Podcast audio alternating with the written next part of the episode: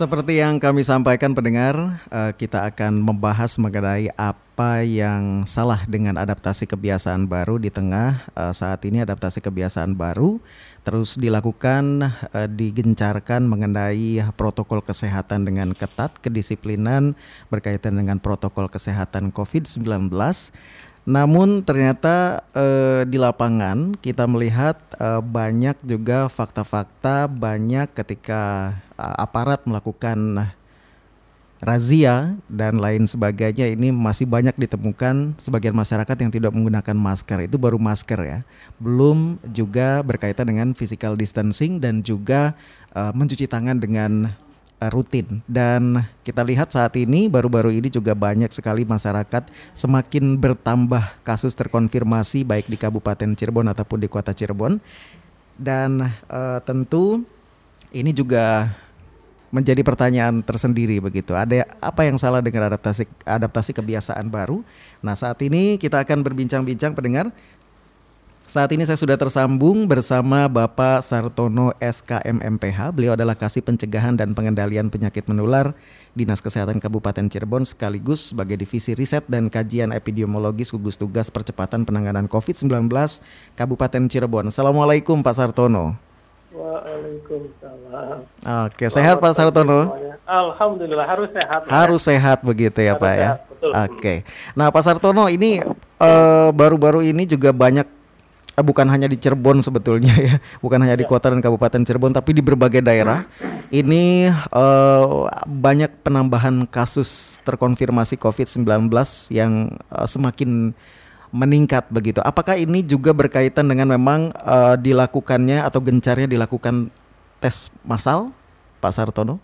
Ya, baik. Selamat pagi, assalamualaikum semuanya, Bapak Ibu, warga Kabupaten Cirebon dan sekitarnya. Uh, pesan saya terakhir ya, pertama bahwa tetaplah patuh pada protokol kesehatan karena faktanya memang COVID nyata ada dan ada di antara kita dan semua orang itu punya peluang yang sama untuk terpapar dan punya peluang yang sama untuk memaparkan pada orang lain. Betul. Ya.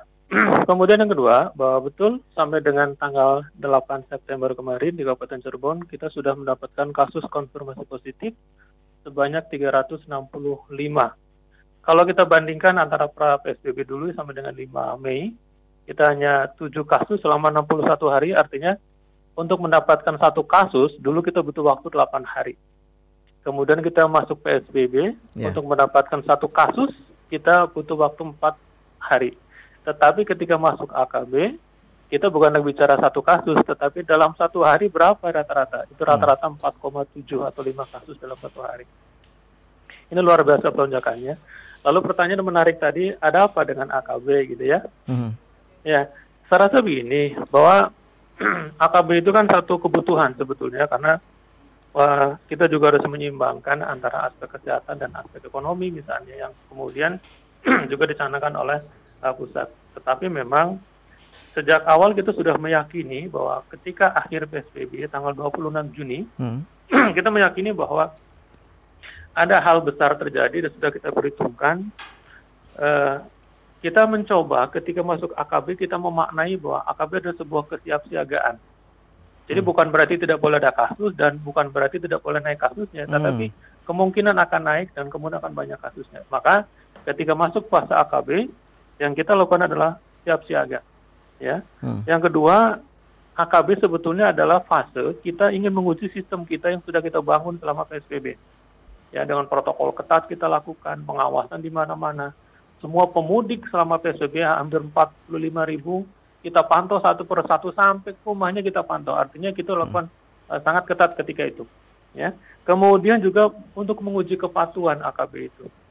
Ya. Maka kita lihat sekarang.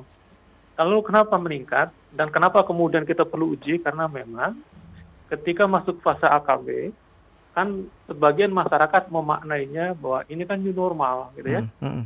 Jadi yang dilihat tuh normalnya, bukan new-nya. Bukan new-nya. Kalau new-nya harusnya kan orang ketika masuk AKB dia harus siap dengan keadaan yang baru, dengan tatanan yang baru. Misal paling kecil misalnya, baik pra PSBB, PSBB maupun AKB yang tidak berubah kan protokol kesehatannya. Yeah. Ya. kan tetap harus ketat. Maka new-nya adalah nor, apa pakai masker itu suatu tatanan yang baru yang masih harus menjadi kehidupan dengan dengan fase yang baru. Ya, pakai masker, jaga jarak, cuci tangan. Itulah kenormalan yang baru, bukan berarti uh, kebebasan baru bukan, tapi uh, tatanan baru yaitu yang mesti kita terapkan terus menerus. Yang kedua bahwa AKB ini kan sudah mulai ada relaksasi ya Hmm. Misalnya badan usaha, pabrik sudah mulai dibuka, perkantoran sudah mulai aktif, hiburan, kemudian wisata kuliner, hmm. belanja hmm. sudah mulai dibuka, wisata alam sudah mulai dibuka sebagian. Artinya ada risiko di sana. Dan itu tidak mungkin kemudian kita melarang yang adalah mengendalikan ketika ada pembukaan apa kebebasan tadi. Ya. Kemudian ketiga, kenapa kemudian menjadi meningkat? Boleh jadi masyarakat mungkin sudah mulai jenuh ya karena hmm. hampir enam bulan ya hampir enam bulan berkutat uh, masyarakat boleh. Jadi belum siap dengan kenormalan yang baru. Bukan sesuatu yang baru tapi kenormalan baru belum siap untuk melakukan itu. Dan yang yang tidak kalah penting juga memang meskipun tidak besar confounding juga masih ada. Misalnya hoax misalnya ya mengatakan ini kan konspirasi. Ini kan tidak nyata. Ini kan main-main gitu ya. Ini juga masih ada. Dan yang terakhir memang kesiapan kita ya. Kesiapan kita untuk masuk pada tatanan baru tatanan era yang baru hmm. baik masyarakat dan mungkin juga teman-teman di aparat pemerintah boleh jadi ada yang tidak patuh sepenuhnya. Nah, ini fakta yang kita temukan selama AKB kenapa? Nah dari fakta itu kemudian mengatakan maka potensi besar pemunculan pasti kasus akan semakin meningkat. Belum hmm. lagi misalnya kita melakukan swab masif yang luar biasa dituliskan tiap hari. Seperti itu jadi wajar kalau kemudian terjadi peningkatan kasus karena kita mencari kasus, mm-hmm. bukan menunggu kasus. Bukan menutupi tracking, kasus ya. Bukan. tidak. Jangankan menutup, yeah. menunggu pun tidak. Kita mm. mencari, mencari kasus uh, ketika mendapat kasus sebanyak mungkin sebetulnya sebuah keberhasilan karena semakin cepat ditemukan, maka semakin mudah dikendalikan dan semakin cepat kita lakukan tata laksana pelayanan. Mm-hmm. Saya rasa itu jauh lebih baik daripada kemudian baik. menunggu kasus atau me, apa menumpuk atau ngumpetin kasus tidak lah. Oke, okay. ini menarik ya. Pak karena saya juga uh, tertarik dengan apa yang diungkapkan hmm. tadi oleh pendengar kita ada Pak Dadang di uh, wilayah Sumber yang tadi telepon sebelum acara uh, perbincangan ini dimulai. Uh, beliau mengatakan kita harusnya tidak usah takut begitu dengan adanya penambahan kasus. Justru kita harusnya uh, apa namanya sedikit bahagia begitu. Artinya pemerintah ya. daerah juga uh, peduli dengan dilakukannya tes-tes massal. Artinya itu akan ketahuan begitu siapa yang terkonfirmasi. Betul. Tapi se Memang. tapi se seefektif apa Pak dengan ditemu dengan tes massal begitu yang dilakukan, kemudian ada terkonfirmasi begitu uh, ini masyarakat juga butuh tahu begitu Pak berkaitan dengan nanti penanganannya seperti apa ketika ya. uh, kedapatan begitu. Ya, jadi pertama saya ingin mengajak uh, Bapak Ibu semua ketika melihat sebuah penambahan kasus jangan dilihat secara absolut jumlahnya, hmm. ya, tetapi lihatlah angka yang namanya positive rate artinya dari kan kita melakukan PCR ya, pemeriksaan hmm. PCR kita sampai dengan hari ini ada 18.036 kali melakukan pemeriksaan. Oh. Artinya ada 18.036 orang yang kita lakukan tes PCR dengan swab orang mengatakan swab test. Ya. Hmm. Dari 18.036 itu yang betul-betul positif itu hanya 300 orang sebenarnya. Jadi oh. hanya 1,6 persen, kecil sekali. Ya, sa okay. sangat kecil. Jadi kalau melihat ukurannya, maka lihatlah ukurannya namanya positive rate. Jangan melihat jumlah kasusnya. Karena misalnya meskipun sama-sama jumlah kasusnya ada 100, hmm. Kabupaten A 100 misalnya, Kabupaten B juga sama 80 misalnya, hmm. maka bukan berarti yang 80 itu lebih baik daripada yang 100 okay. gitu ya. Hmm. Uh, tapi lihatlah angkanya, berapa sih yang positif? Tingkat positifnya berapa persen? Sam sampai sekarang delapan belas ribu tiga eh, delapan belas delapan belas ribu tiga puluh enam orang atau kali ya? Iya. Iya. Ah, oke. Okay. 18.000 orang yang ini dilakukan tes. Kalau kalau ya. ada kalau ada perbandingan dengan jumlah dari uh, masyarakat di Kabupaten Cirebon 40 kecamatan, artinya hmm? uh, tes massal ini sudah dilakukan berapa persennya, Pak? Ya. Target kita adalah satu persen dari jumlah total penduduk ya. Hmm. Satu hmm. persen itu sekitar 22 ribu. Target kita 22 ribu sebenarnya. Kita sudah mencapai 18 18 ribu.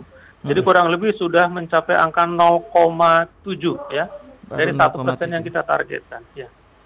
Kita hmm. 0,7 0,8. Jadi kita targetnya sudah luar biasa. Kita coba upayakan 22 ribu karena target provinsi pun satu persen dari total penduduk. Sekitar 0,3 persen lagi begitu untuk mencapai ya, target ya Pak ya? Betul, betul. Masih hmm. sedikit lagi. Kenapa kemudian kita kejar? Karena kita berpikiran bahwa semakin cepat ditemukan, semakin banyak kita temukan, hmm, hmm. maka sebenarnya semakin kita lokalisir, semakin bisa kita kendalikan. Karena hanya itu caranya yang kita lakukan untuk mengendalikan uh, COVID ini. Iya, berbicara sama ya. Ya, ya. Berbicara tentang tes massal tadi Bapak menyampaikan satu persen ini target begitu. Artinya ini target betul. memang yang yang sudah ditentukan oleh gugus tugas atau pemerintah begitu Pak? Iya betul. Ini target dari provinsi uh -huh. bahwa satu persen dari total penduduk wajib dilakukan pemeriksaan swab test, bukan rapid test bukan swab. Ah, swab ya, ya untuk swab. Swab, swab semuanya. Oh, Oke, okay. hanya untuk swab ya Pak ya. Mm-hmm. Nah kalau sudah ter kalau sudah satu persen ini target ini sudah terlampaui sudah tercapai mm-hmm. begitu abis uh, setelah itu tidak artinya tidak akan ada tes massa lagi ya? Ya tes massal tetap kita lakukan. Mm-hmm. Jadi setelah 22 ribu yang pertama kita tetap lakukan adalah kontak tracing ya. Mm-hmm. Jadi ketika ada satu kasus maka kita wajib melakukan pemeriksaan minimal 20 orang yang kontak erat mm-hmm. dengan kasus. Itu memang sampai kapan pun tidak mungkin dihentikan mau sudah mencapai target atau tidak tetap jalan yang ini. Ya. Kemudian hmm. yang kedua, kita pun tetap berhitung masih adakah potensi penularan terutama pada kerumunan, terutama pada orang-orang yang memang berisiko pelaku perjalanan. Hmm. Maka itu tetap menjadi menjadi target kita meskipun mungkin tidak semasif yang sekarang. Oke. Okay. Ya, hmm. tidak masuk sekarang. Seperti itu. Oke, okay. artinya uh, untuk satu persen tes massal ini mungkin ini ini pertanyaan yang kalau kalau bapak mungkin pertanyaan yang sudah berulang begitu tapi ya. ini perlu saya tanyakan lagi begitu ini nanti untuk satu persen target ini diperuntukkan untuk kalangan mana saja pak? Ya jadi sasaran utama kita swab adalah uh, yang pertama uh, kontak erat pasti ya kemudian hmm. yang kedua semua tenaga kesehatan baik rumah sakit maupun puskesmas wajib kita lakukan hmm. pemeriksaan. Yang ketiga, uh, seluruh pelaku usaha. Misalnya dulu kita ramai nih semua supermarket di wilayah kabupaten, hmm. kemudian pedagang pasar, ya sudah kita lewati semua tuh fase itu, sudah kita lakukan set. Hmm. Kemudian juga ketika pemerintah sudah mulai membuka program nih, ada kegiatan posyandu, maka semua kader kita lakukan swab. Hmm. Kemudian SD nih kita melakukan uh, pelayanan imunisasi di SD waktu itu. Hmm. Maka guru-guru SD kelas 1, 2, 3 yang guru kecil kita lakukan swab. Kemudian sekarang sedang masuk pada fase seluruh aparat pemerintah di sekretariat Betul. daerah hmm. sejak hari kemarin ya Senin hmm. sampai dengan satu minggu ke depan itu lakukan swab semuanya. Nah, itu hmm. yang jadi sasaran kita sekarang. Jadi hmm. secara bertahap kita pilih mana yang duluan kita lakukan. Skala prioritas Apalagi, ya? Hmm. Iya, ada prioritas, terutama pada OPD yang memberikan layanan kepada masyarakat. Ya, hmm. Ya, itu kita uh, swab dari awal. Kenapa? Karena potensinya kemungkinan di situ orang lain ketemu dengan siapa saja kan? Betul. Dengan aparat, dengan masyarakat yang kita tidak tahu dari mana riwayat perjalanannya atau mungkin dia punya kontak dengan siapa. Nah ini artinya penting juga Pak, ketika beberapa hari yang lalu begitu, mungkin dari hari hmm. Minggu, Senin, Selasa sampai hari Rabu ini masyarakat fokus dengan informasi, oh pejabat ini terkonfirmasi, pejabat ini terkonfirmasi. Artinya memang harus ada yang diluruskan juga pemikiran masyarakat ya, Pak. Betul betul. Uh, sekali lagi bahwa saat ini ketika AKB itu saya katakan tadi logikanya hmm. setiap orang punya potensi menularkan pada orang lain karena dia tidak merasa sakit hmm. ya hmm. dan setiap orang pun punya peluang sama terpapar dari orang lain siapa pun mau pejabat hmm. mau bukan pejabat mau pedagang siapa pun punya resiko yang sama hanya kebetulan ketika pejabat kena kan rame nih dia public figure masalahnya kan padahal semua orang punya peluang yang sama mau pejabat ya mau siapa pun sama saja sebenarnya kalau hmm. kita melakukan ya dia bagian dari kasus yang kita tangani apa pun latar belakang jabatannya. Uh, uh, Oke. Okay. Ya. Uh, uh. Uh, kalau walaupun jangankan uh, ini ya Pak ya, jangankan yang tidak mematuhi protokol kesehatan begitu. Betul. Artinya harus diterapkan di benak kita juga pejabat saja yang apa namanya dari segi kepatuhannya apa namanya menggunakan masker protokol kesehatan masih kena begitu. Artinya kita harus lebih disiplin lagi begitu, Pak. Iya. COVID ini butuh kerjasama, hmm. ya. Jadi hmm. orang tertular itu tidak mungkin kalau tidak ada yang menularkan. Itu nggak mungkin, logikanya nggak hmm. masuk ke mana-mana. Betul. Artinya, oke okay lah kita aman, protokol kita ketat, ya. Semua kita rigid mau cuci tangan rajin, jaga jarak kita lakukan. Tetapi apakah kemudian itu sudah mampu memproteksi dirinya ketika dia berada pada lingkungan yang tidak aman? Hmm. Tidak juga. Hmm. Ya, siapa pun itu. Dan fakta menunjukkan bahwa uh, rute transmisi terbesar saat ini adalah rute transmisi yang didapatkan dari kontak erat keluarga hmm. atau dari aktivitas keluarga sekarang ini ya. Yeah. Misalnya nih makan bersama, ya, kemudian bicara saking dekatnya tidak pakai masker tanpa jarak antara bapaknya, ibunya, anaknya. Sementara kita tidak tahu aktivitas luaran seperti apa. Hmm. Ya, termasuk di perkantoran pun rutenya juga dari aktivitas yang bersifat keluarga. Misalnya ketika istirahat makan bersama di warung. Hmm. Kalau makan nggak mungkin pakai masker, Betul. lupa cuci tangan gitu ya. Siapa pun.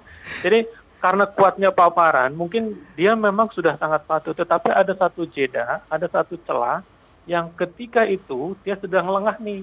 Hmm. Ya, ketika ngobrol nunggu buka masker sebentar langsung hmm. tutup lagi ketika dibuka sebentar bisa saja ada transmisi masuk hmm. droplet atau apa sangat mungkin jadi memang uh, lingkungan juga mem mempengaruhi sangat, begitu ya sangat sangat sangat mempengaruhi oke okay. COVID mengajarkan kita bahwa kebersihan sekarang menjadi prioritas dalam kehidupan kita sehari-hari. Itu wajib nggak bisa ditawar-tawar. Mm -hmm. Ya, ya. Uh, kalau akhirnya saya saya saya uh, kita mungkin setelah bapak menjelaskan akhirnya tahu begitu. Artinya uh, protokol kesehatan itu nggak hanya cukup satu unsur begitu, bukan hanya saja cukup dengan masker begitu, tapi protokol kesehatan yang lainnya begitu, termasuk physical distancing gitu, harus ada jaga jarak dan juga uh, cuci tangan yang apa namanya yang yang rutin juga ini menjadi faktor penentu. Ya. Jadi bukan hanya cukup masker begitu ya Pak ya? Betul betul.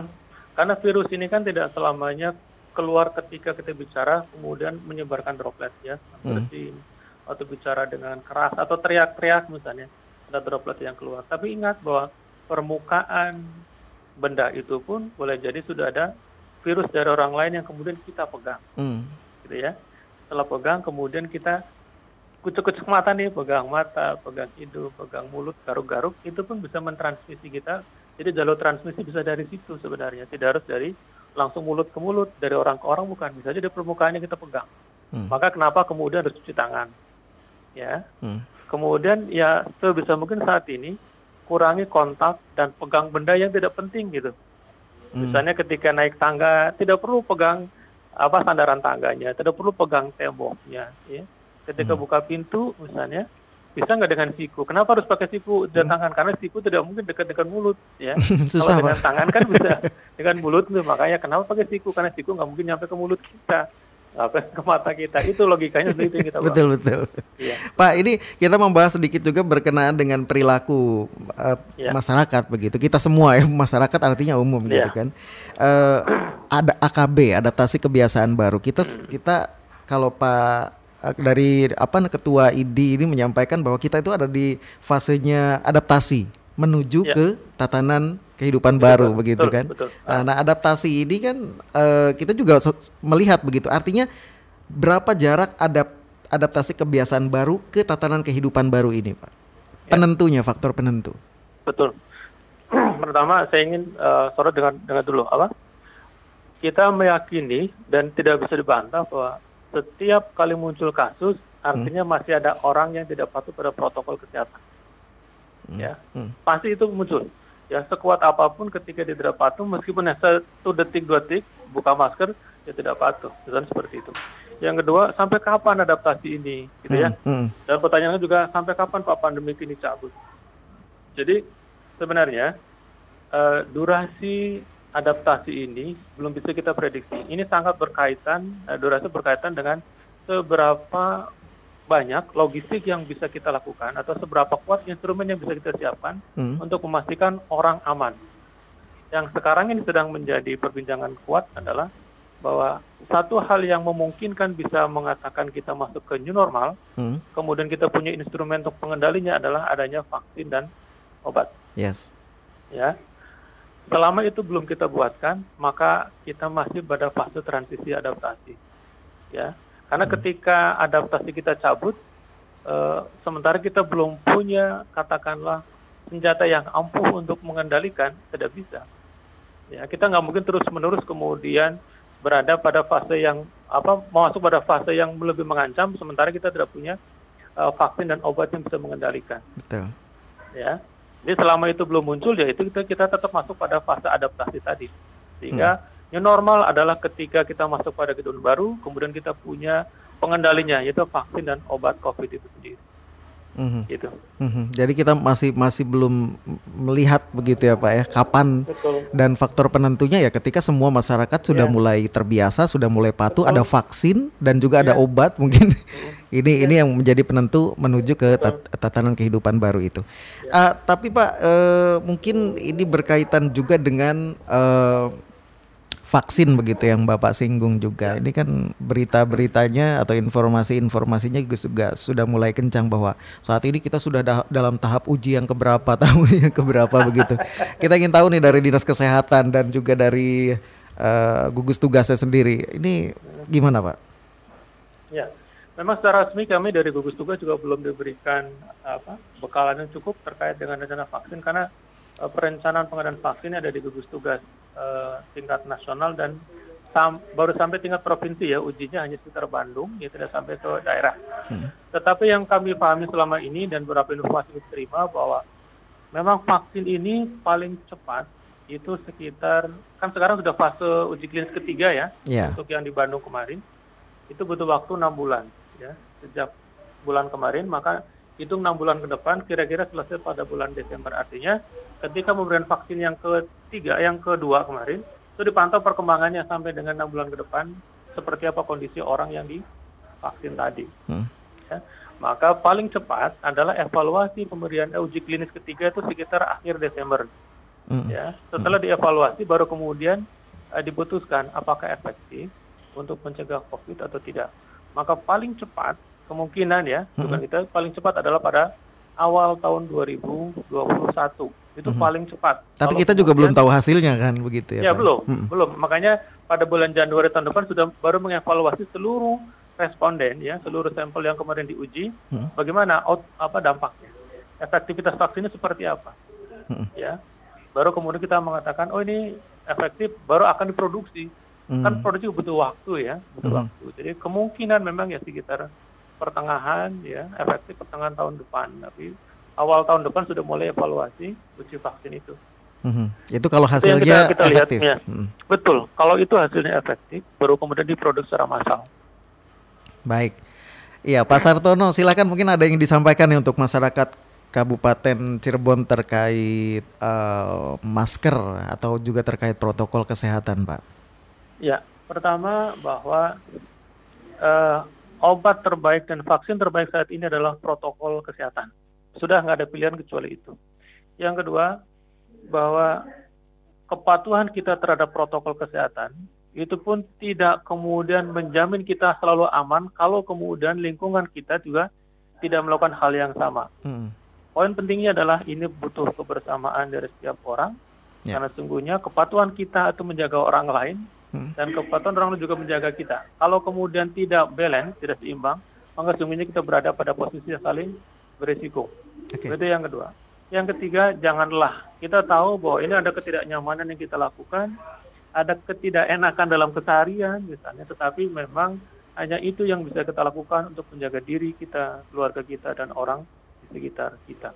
Jangan lelah, jangan stres, ya, hmm. karena sungguhnya setiap masalah selalu ada solusi dan kita harus menjadi bagian dari solusi itu. Terima kasih. Ya, Pak Sartono satu lagi ini berkaitan dengan tadi sempat disinggung juga bahwa beberapa kalangan ini sudah dilakukan tes swab test begitu.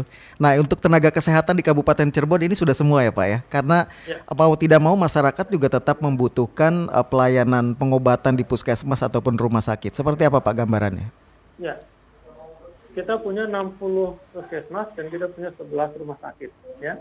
Mm -hmm. Sebagian besar teman-teman puskesmas itu sudah kita lakukan pemeriksaan ya. Mm. Uh, meskipun belum seluruhnya tetapi hampir sebagian ya mungkin 60 persen sudah dilakukan pemeriksaan swab.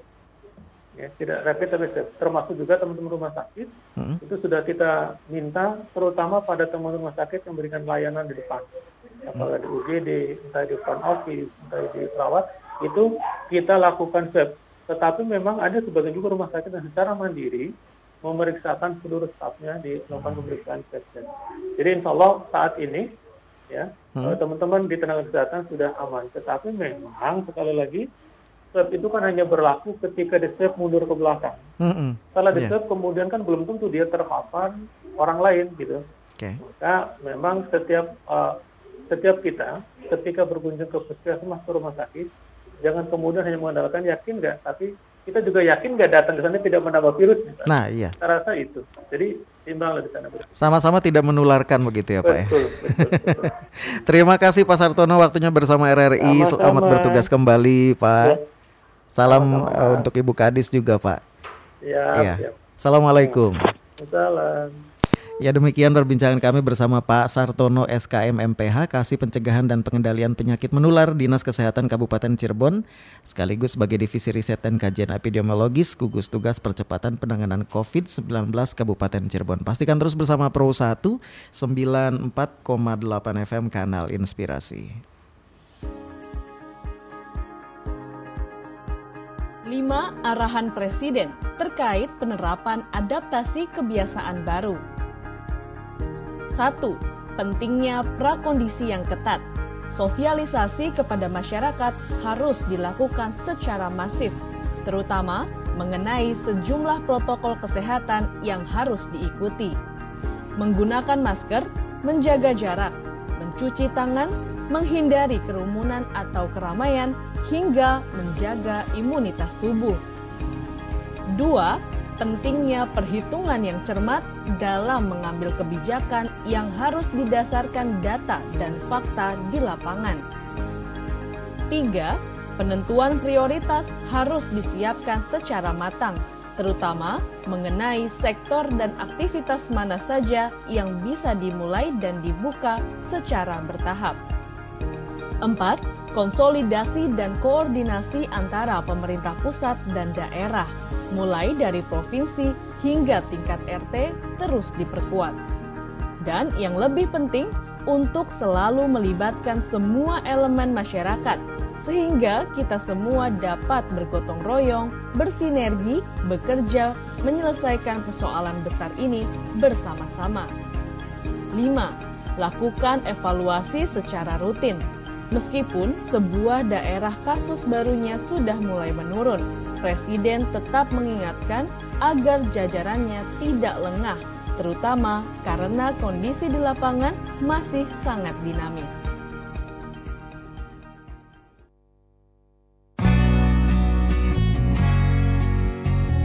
Anda sedang berada di zona 510, lintas Cirebon pagi.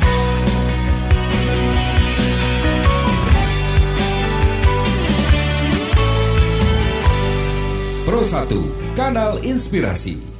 Apa yang salah dengan adaptasi kebiasaan baru? Saat ini saya sudah tersambung bersama reporter Yulianti. Yuli. Ya, Nono Kartono dan pendengar RRI Cirebon, uh, sebuah uh, kebiasaan tentu tidak mudah untuk dilakukan. Uh, ini butuh proses yang waktunya tidak singkat seperti halnya dengan kita saat ini berada di masa pandemi COVID-19 dengan uh, uh, tataran kehidupan baru atau dengan istilah adaptasi kebiasaan baru atau AKB yang diluncurkan oleh Gubernur Jawa Barat Ridwan Kamil. Dan kebiasaan ini menyangkut uh, terkait dengan upaya kita secara individu masing-masing bagaimana mencegah agar tidak tertular dari paparan COVID-19 yang hingga hari ini sudah menginfeksi ratusan orang bahkan lebih di Kabupaten Cirebon dan tentu angkanya atau kasusnya semakin meningkat di daerah uh, Jayu Maja Kuning khususnya tidak saja di Kabupaten Cirebon. Kalau bicara tentang kebiasaan uh, ini menjadi hal yang uh, tentu harusnya kita lakukan bersama, tidak hanya uh, orang yang mengerti betul apa itu kebiasaan uh, baru terkait dengan protokol kesehatan, karena inti dasarnya dari uh, kebiasaan itu mengubah kita dari hal yang tidak biasa menjadi biasa.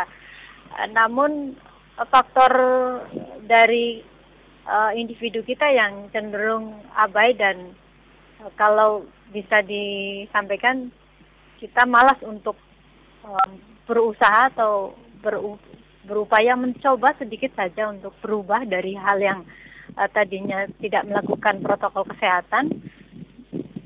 Uh, contoh dasar seperti menggunakan masker. Ini karena dua faktor tadi sehingga meskipun hal itu terkesan sederhana tapi karena faktor kita tidak ada keinginan untuk mencoba dan juga uh, cenderung malas untuk mencobanya, uh, hal itu menjadi uh, yang tidak penting. Padahal pada masa pandemi COVID-19 ini, justru uh, hal yang sangat penting dilakukan oleh kita semua. Tidak saja mungkin masyarakat umum, uh, mungkin uh, juga di kalangan petinggi-petinggi atau pejabat-pejabat uh, pemerintahan, uh, eksekutif maupun legislatif. Karena uh, virus ini tidak mengenal latar belakang uh, dan uh, latar belakang pendidikan ataupun profesi. Karena uh, di keterangan data yang disampaikan oleh Pusat Data Informasi Gugus Tugas Percepatan Penanganan COVID-19 Kabupaten Cirebon sendiri akhir-akhir ini terpapar malah justru uh, tentu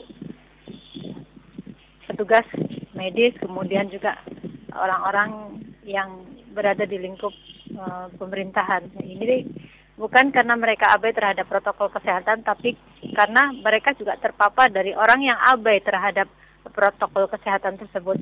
Uh, dan pantauan kami di sejumlah wilayah seperti di kompleks perkantoran Pemkap Cirebon saat uh, ada penegakan uh, aturan protokol kesehatan cenderung memang uh, pengguna kendaraan ataupun masyarakat senantiasa mengenakan masker. Tapi ketika uh, itu rajianya sudah ataupun penegakan protokol kesehatannya sudah berlalu, mereka kembali kepada kebiasaan lama tidak menggunakan masker. Dan bahkan mungkin entah maskernya ditaruh di mana. Nah ini yang memprihatinkan kita karena yang uh, trennya saat ini orang terpapar tanpa gejala yang lebih banyak jumlahnya. Dan ini sangat membahayakan kita uh, untuk juga sama-sama melindungi diri dan juga orang lain di sekitar kita terutama untuk yang lansia dan anak-anak. Kenapa? Karena uh, mereka sangat rentan terhadap penyebaran COVID-19 ini. Dan untuk Kabupaten Cirebon sendiri sejak ada kemunculan ASN atau PNS di lingkungan Pemkab Cirebon yang terpapar uh, virus corona, sejumlah uh, layanan memang ditutup, terutama yang ASN ataupun PNS itu berada. Namun sejumlah bagian pelayanan masih dibuka dan untuk memperketat tadi uh, pada masa AKB dan uh, ketidakpatuhan masyarakat terhadap protokol kesehatan, sejumlah akses menuju pintu masuk perkantoran Pemkab Cirebon ditutup dan hanya menyisakan dua uh, pintu masuk yang dijaga ketat oleh uh, tim penegakan Perda protokol kesehatan gugus tugas percepatan penanganan COVID-19 di antaranya Satpol PP. Ini sudah tergambar sejak kemarin dan tentu ini masif dilakukan tidak saja oleh uh, pemerintah tapi uh, pemerintah di Kabupaten Cirebon tapi juga menyasar ke bawah yaitu di tingkat desa namun uh, kembali lagi uh, tidak ada yang salah terhadap AKB ini yang harus ditegakkan adalah kepatuhan kita terhadap protokol kesehatan dan kemandirian kita untuk membiasakan hal-hal baru uh, menjadi uh, kebiasaan yang memang sudah melekat di dalam uh, kehidupan kita. Uh, seperti halnya kebiasaan-kebiasaan lain yang positif yang tentu bisa menunjang aktivitas ataupun kegiatan kita sehari-hari. Uh, dan ini harus terus kita uh, pasifkan sebelum tentunya ada penegakan perda yang lebih uh, tegas lagi untuk kita. Dan jangan sampai hal ini uh, justru apa kontraproduktif dengan uh, mungkin uh, tujuan kita pada masa AKB ini bisa uh, bebas beraktivitas dan berkegiatan, uh, namun uh, kita akan terkendala akibat ulah kita sendiri, uh, tidak mematuhi protokol kesehatan dan terkena sanksi dari Baik. Perda yang ditegakkan tersebut. Demikian uh, laporan mengenai adaptasi, adaptasi kebiasaan baru kembali ke Nono Kartono di studio. Terima kasih Yulianti dari Kabupaten Cirebon.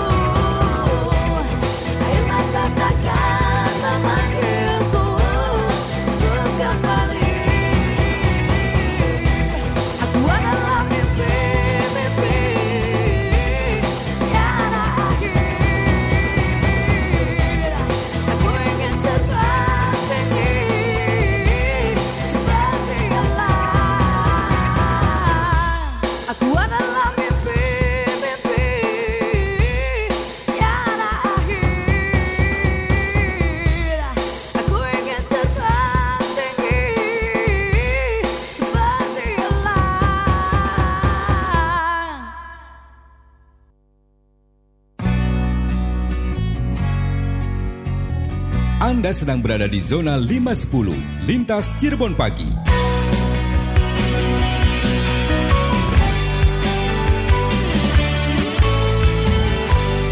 Pro 1, kanal inspirasi. Pro 1 masih bersama Anda pendengar saat ini saya sudah bersama uh, budayawan Cirebon ada Kang Akbarudin Sucipto. Assalamualaikum Kang. Waalaikumsalam Mas Bara. Iya. Uh, apa kabar sehat Kang? Alhamdulillah sehat, masih zona hijau. Betul, oh gitu, amin. Nah ini berkaitan juga dengan zona-zona begitu dan uh, kita yeah. tidak tidak menutup kemungkinan juga Kang Akbar ya ada beberapa kasus terkonfirmasi ini semakin lama semakin meningkat walaupun mungkin ya ini sebetulnya karena memang kita melakukan tes swab massal begitu ah, untuk mencari kasus-kasus begitu. Nah, kalau berkaitan dengan protokol kesehatan di mana banyak juga petugas yang mengeluhkan ternyata banyak yang tidak menggunakan masker, tidak ah, dengan alasan lupa, kemudian sudah membawa tapi tidak digunakan dengan alasan tidak nyaman dan lain sebagainya. Kak Akbar sendiri melihat uh, masyarakat Cirebon sebagai budayawan Cirebon seperti apa Kang Akbar? Baik, kalau uh, terima kasih Mas Bara dan pendengar RRI di mana pun saja Anda berada. Kalau saya uh, pertama kali melihatnya itu, yang, yang pertama maksudnya melihatnya itu dari sisi begini. Jadi kadangkala hmm. uh, walaupun film Shakespeare Eh, menyatakan misalnya apalah arti sebuah nama ya. Yeah. Nah sekarang ini kita kan termasuk uh, paling mudah atau uh, begitu uh, renyahnya misalnya memunculkan istilah-istilah baru. Yeah. Begitu pula dalam hal pandemi ini ya, uh, ada new normal, ada adaptasi kebiasaan baru, atau istilah-istilah lain yang lebih spesifik gitu kan ya. Nah sementara eh, bagi bagi saya yang di Cirebon misalnya melihat bahwa eh, nama-nama itu akan menempati kedudukannya. Hmm. Jadi eh, artinya akan punya pemaknaan tersendiri dan khusus gitu kan ya. Jadi ketika memunculkan sebuah istilah, sebuah nama itu harus siap dengan segala konsekuensinya gitu Mas Bara. Oke. Misalnya nah, itu itu ya. Misalnya itu apa yang pertama ya. Nah, contohnya misalnya kan begini, ketika kan uh, selama ini kan kita tahu bahwa uh, bahasa Indonesia itu kan uh, boleh dikata miskin gitu ya, sehingga harus menyerap banyak bahasa, banyak hmm. uh, bahasa dari banyak kata dari bahasa-bahasa yang ada di sekelilingnya kan apakah termasuk uh, istilah asing ataupun istilah-istilah dari bahasa-bahasa daerah gitu ya. Hmm. Kalau saya sekedar menyoroti misalnya begini, ketika kita memunculkan kata biasa ya, hmm.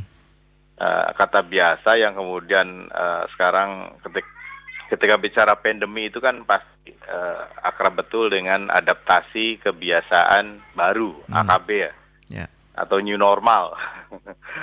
nah adaptasi kebiasaan baru itu kalau misalnya kata bahasa ah, kata biasa dalam hal ini dikembalikan kepada pemaknaan aslinya misalnya itu ada di Jawa kuno ataupun bahasa Kawi mm-hmm. ataupun bahasa Jawa ataupun misalnya bahasa Cirebon misalnya gitu kan ya yeah. itu punya makna latihan uh, Mas Bara mm. Jadi kalau adaptasi kebiasaan baru, artinya kita menyesuaikan hmm. dengan latihan-latihan uh, yang baru. Hmm. Nah, untuk pada ketika, untuk pada kebiasaan baru begitu ya. Untuk untuk pada kebiasaan baru. Artinya biasa di sini artinya uh, berlatih gitu kan berlatih. Ya. Nah, yang namanya berlatih itu kan untuk uh, menuju ketahanan ya, untuk menuju ketahanan atau ya. berkekuatan. Nah, di sinilah uh, penting kedisiplinan, pentingnya apa berpikir rasional dan tidak berprasangka buruk kan gitu kan. Mm. Nah selama ini uh, problemnya di kita kan karena pandemi atau COVID-19 itu kan dimaknai kan macam-macam. Wah ini nggak ada urusannya sama kematian ya kan ada gitu. Oke oke. Corona corona. Tapi gini Kak Akbar, uh, kita ada pada posisi uh, adaptasi atau latihan yeah. begitu kalau kata Kang Akbar yeah. gitu ya. Namun sedang berlatih sedang berlatih sebetulnya kita, tapi yeah. uh, belum menunjukkan kita menuju ke, ke uh, kebiasaan gitu. Kita sudah berlatih apa yeah. belumnya ini kalau saya dengar dari beberapa narasumber gitu petugas yeah. begitu ini belum belum sampai mengarah ke tingkat kepatuhan yang akan nantinya pada tatanan kehidupan baru gitu. Itu bagaimana? Kalau saya kembali melihatnya kan misalnya kan begini, uh, uh, segala apa yang ada dalam adaptasi perilaku yang ada dalam adaptasi kebiasaan baru misalnya kayak pakai masker ya, ataupun jaga jarak, uh, mencuci tangan dan sebagainya. Beberapa aktif, aktivitas uh, biasa dalam tanda kutip ya, iya. uh, beberapa aktivitas ringan ini sebetulnya kan uh, itu juga e, merupakan aktivitas-aktivitas yang misalnya kayak cuci tangan. Dalam hmm. Islam misalnya itu kan ada bab toharoh kan. Betul. Ada bab bersuci. Nah, di di teman-teman apa? Penghucu misalnya 2500 2500 tahun sebelum uh, apa uh, Masehi di Cina itu kebiasaan cuci tangan sudah ada dalam uh, kitab-kitabnya Konghucu gitu. Hmm. Nah, artinya itu bukan bukan hal yang apa hal yang baru kan gitu bukan yeah. hal yang baru. Cuma memang pada uh, pada konteksnya uh, artinya hal-hal uh, yang mungkin kemarin uh, men, apa tidak biasa gitu kan tidak biasa sedikit-sedikit cuci tangan sedikit-sedikit suruh jaga jarak kan ya mm-hmm. nah uh, jaga jarak itu kan selama ini yang kita konsumsi dan kita tahu kan cuma antara uh, uh, kita dengan mobil truk di depan yang ada tulisan jaga jarak gitu kan. Hanya itu gitu ya. ya kalau itu. bicara jaga jarak kita kan tahunya kan cuma itu uh, ya. Uh, tapi gini kalau ya, kalau melihat karakter begitu karakter iya. masyarakat Cirebon kota kabupaten begitu di mana kita ini ada di pesisir begitu Kang Akbar ya.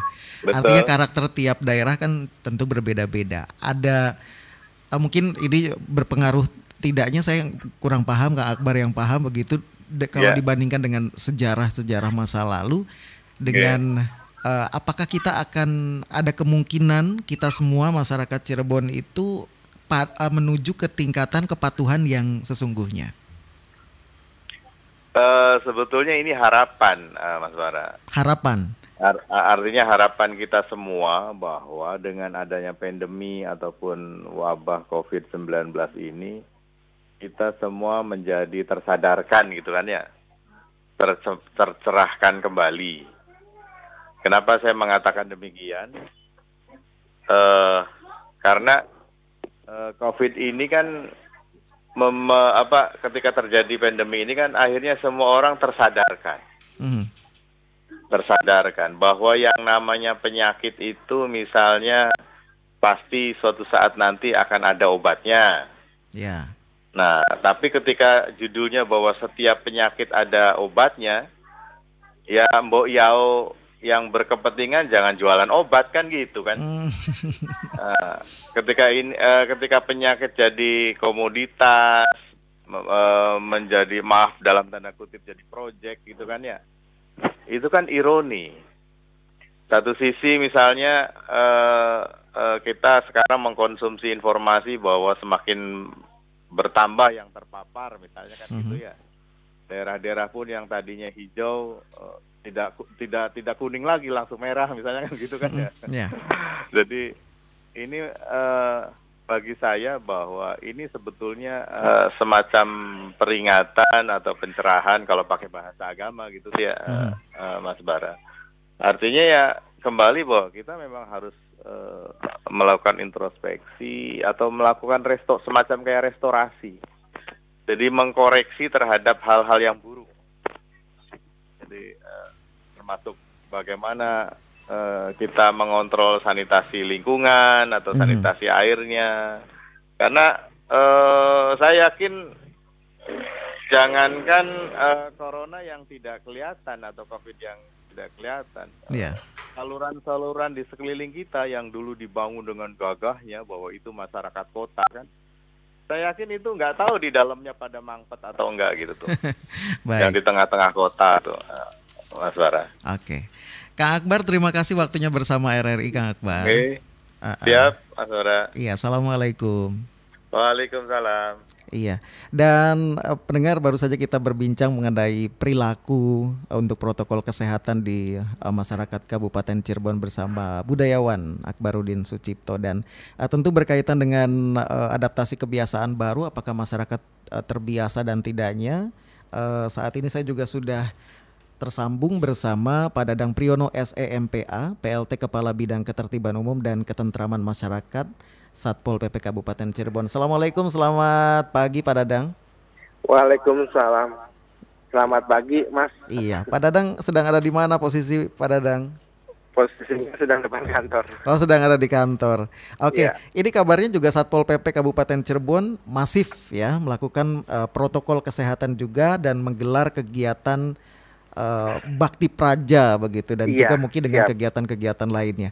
Apa yang didapat Pak eh, Dadang dengan adanya kegiatan-kegiatan tersebut? Masyarakat sudah relatif patuh atau tidak?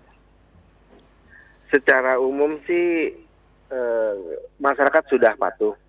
Hmm. Namun memang ketika kita bersama tim penerapan disiplin dan penegakan hukum protokol kesehatan Kabupaten Cirebon, kita selama 15 hari akan Ya. turun ke lapangan. Nah, ini kita udah tahap kedua, Mas. Oh, sudah tahap kedua? Iya, ini yang tahap pertama itu di tanggal 26 sampai tanggal 30 Agustus kemarin. Mm-mm. kita mendapati menjaring dengan apa ya penerapan sanksi ringan dulu Mm-mm. di tahap Oke. pertama sanksi ringan kita menjaring 766 pelanggar Mm. dengan teguran lisan sebanyak 249 kemudian juga teguran tertulis 495 dan sanksi sosial 22 22 pelanggar. Nah Hmm. ini di tahap pertama. Kemudian tahap kedua sedang berjalan nih mas. Ya. Di tanggal 8 sampai tanggal 12 September. Mhm. Selama lima hari. Dengan penerapan sanksinya berupa sanksi sedang. Sanksi sedang itu nanti eh, yang pertama adalah sanksi sosial. Yang berikutnya adalah penahanan kartu identitas. Hmm. Yang keduanya pengumuman secara terbuka. Siapa yang eh, melanggar protokol-protokol kesehatan. Ada pengumuman secara terbuka itu sanksi sosial ya Pak ya? Ya, Mhm. secara terbuka mungkin di website ataupun mungkin di laman-laman secara resmi baik media massa atau media online gitu. Mhm.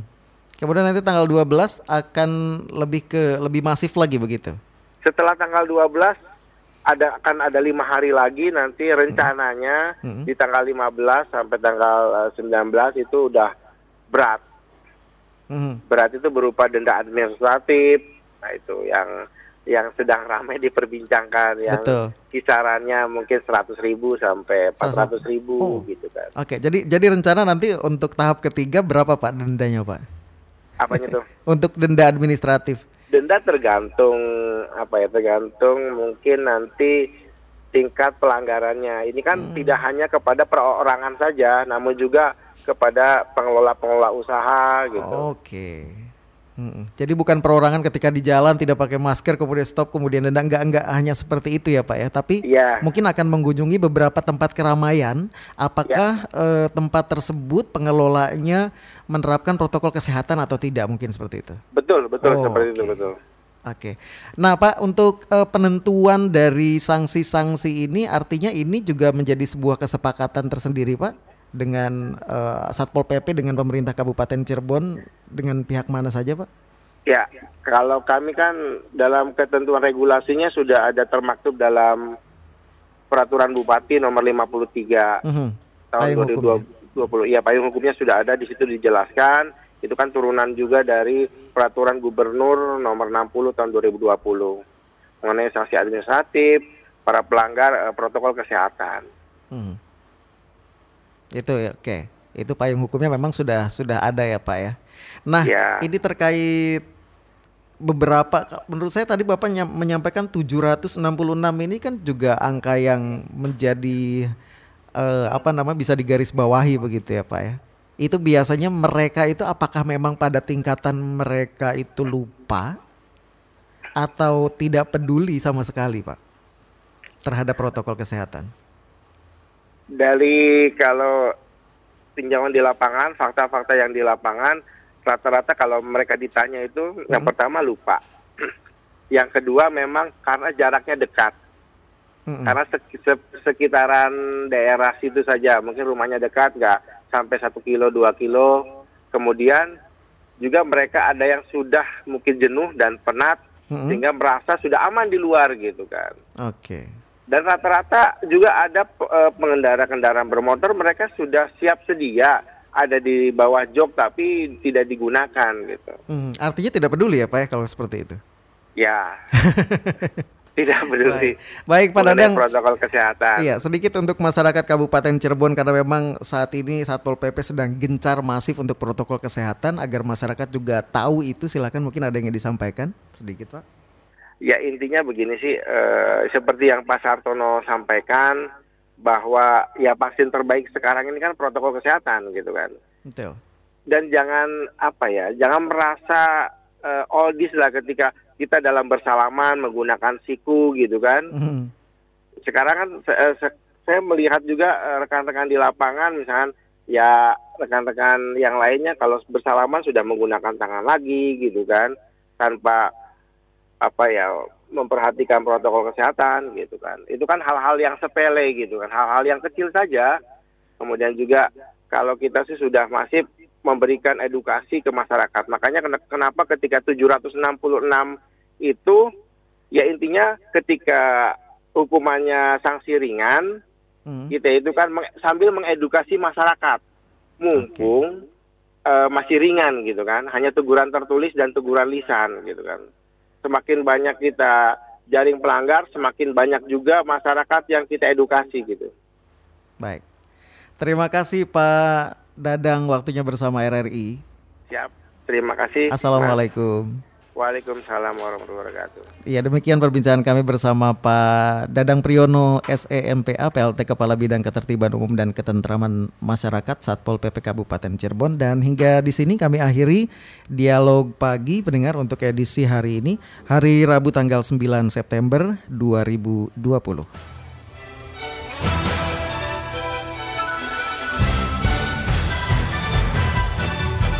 Pro 1 masih bersama Anda pendengar 94,8 FM Kanal Inspirasi. Dan sesaat lagi kami akan hadirkan beragam informasi